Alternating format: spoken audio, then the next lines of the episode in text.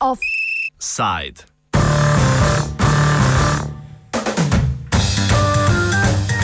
Kranske klobase Evropske unije.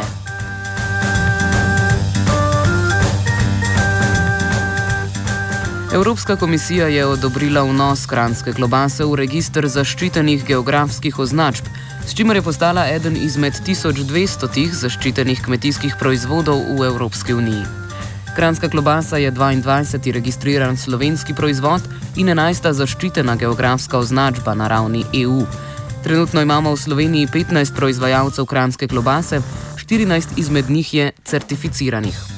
Več o postopku zaščite na nacionalni in evropski ravni nam je razjasnila Ana Ahcin, koordinatorka projekta pri gospodarsko-interesnem združenju Kranska klobasa. Najprej mora biti um, zainteresirana skupina proizvajalcev, ki želi zaščititi nek proizvod.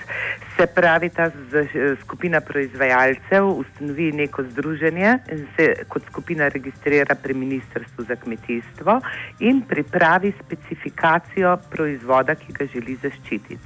Se pravi, specifikacija, v specifikaciji je natančno določen proizvodni postopek in surovine in pa seveda označevanje tega postopka postopka.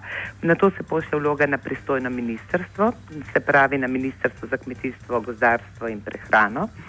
In uh, ministrstvo o vlogi odloča. Ko odloči o vlogi, pač pošlje odločbo o zaščiti kranske klobase in objavi pravilnik o kranski klobasi, v tem primeru v uradnem listu Republike Slovenije. Ko je proizvod uh, zaščite na nacionalnem nivoju, se začne postopek za zaščito na evropskem nivoju, kar pomeni, da se pripravi enotni dokument in vsa dokumentacija in pošlje v Bruselj. To smo tudi naredili 2000. 2000, eh, leta 2008, zdaj pa je danes, kot veste, bila ta uredba, izvedbena uredba objavljena v Evropskem listu in s tem pomeni, da začne uh, zaščita na evropskem nivoju delovati oziroma stopi v veljavo uh, eh, 26. januarja. In s tem je postopek zaključen. Zaščite na enem in drugem nivoju.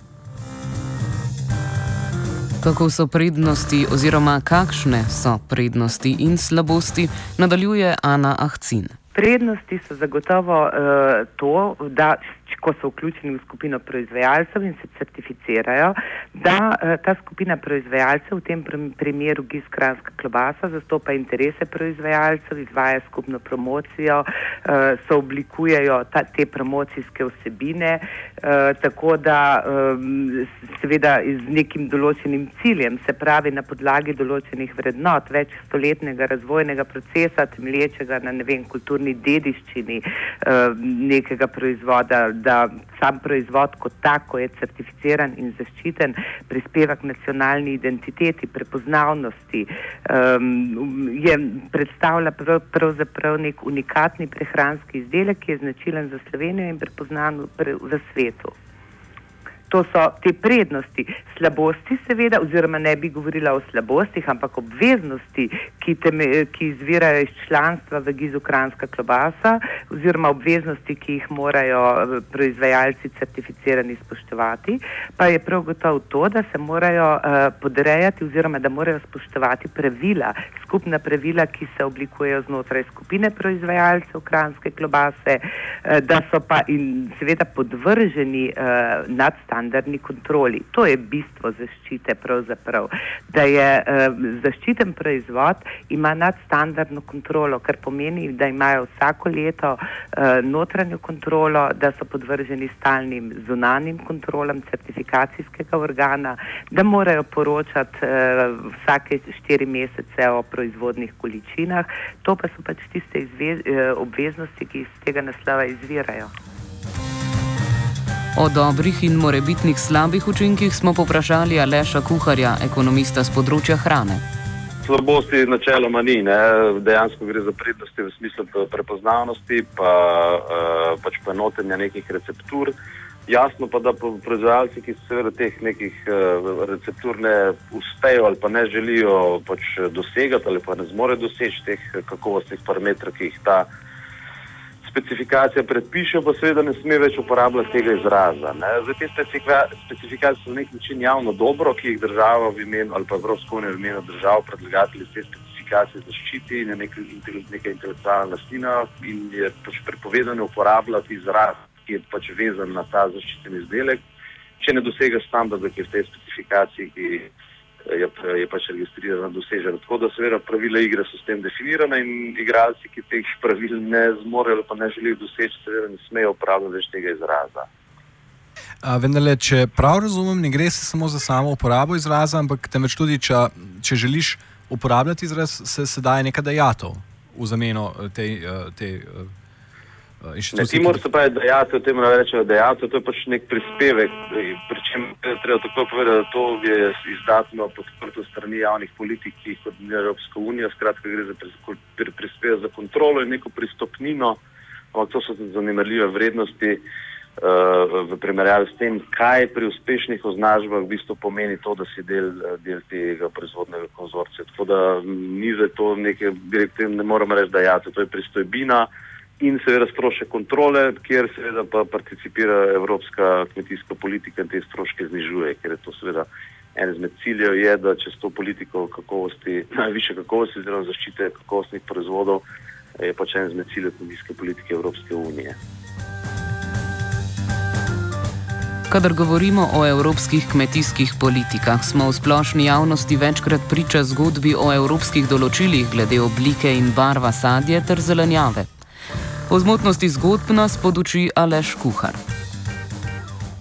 Pa vse so te zgodbe zelo, zelo, bi rekel, appealing za javnost, ampak teh eh, uredb že ni od leta 2000, ampak so tako, bi rekel, eh, atraktivne za razpravo, šankersko, da še zmeraj, bi rekel, v nekih populističnih razpravah to velja. Ampak to ne pomeni, da kmetijska politika Evropske unije ni ena izmed najbolj administrativnih, birokratiziranih, da ne rečem, centralno-planskih politik. Ne? Ampak uh, ta konkretna, ki zdaj omenjate, ne velja več. Ne. Problem je tle, koliko se zmore agroživilski sistem posamezne nacije v tej birokratski strukturi, ki rečemo Evropska kmetijska politika, znajti in najti pozitivne, eh, bi rekel, momente v tej dejansko zelo uh, intenzivno regulirani gospodarski panogi, ki jo rečemo kmetijstvo, v kateri je tudi razmerno veliko bo rekla za zdravo pamet, uh, čudnih stvari, treba pa povedati, da je teh če dalje manj. In točno ta, glede ukrivljenosti in obarvanosti, recimo zelenjave, ne velja že več, več kot deset let. No.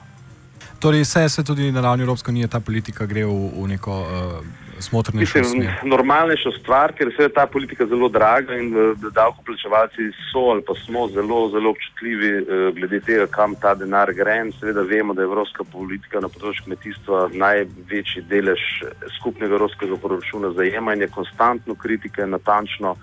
Bi rekel, eh, nadzirana ne, ali pa kritično presojena pač proračunska linija v evropskem proračunu. Zato je teh nesmislov ali pa nečinkovitosti če dalje manj. Pa treba povedati, da je kljub temu kmetijski lobby v naravni Evropske unije zelo vpliven in so te procesi zelo počasni. Za konec še enkrat koordinatorka projekta pri gospodarsko-interesnem združenju Kranska klobasa Ana Ahcin, ki nam je razložila, kakšna je prava zašpiljena Kranska klobasa. Anska klobasa je, uh, je narejena iz uh, najboljših kosov uh, svinskega mesa, se pravi prve in druge kategorije, trdo slanino in pa seveda dodana, dodan, na devu je dodana samo sol, paper in česen. To je to. Ne? In obvezno seveda mora biti zašpiljena. Zdaj, kako sam proizvodni postopek in pa čisto konkretna navodila proizvodna so pa v specifikaciji, ki je objavljena na naši spletni strani gis kranska klobasa. Offside je pripravil kožuh.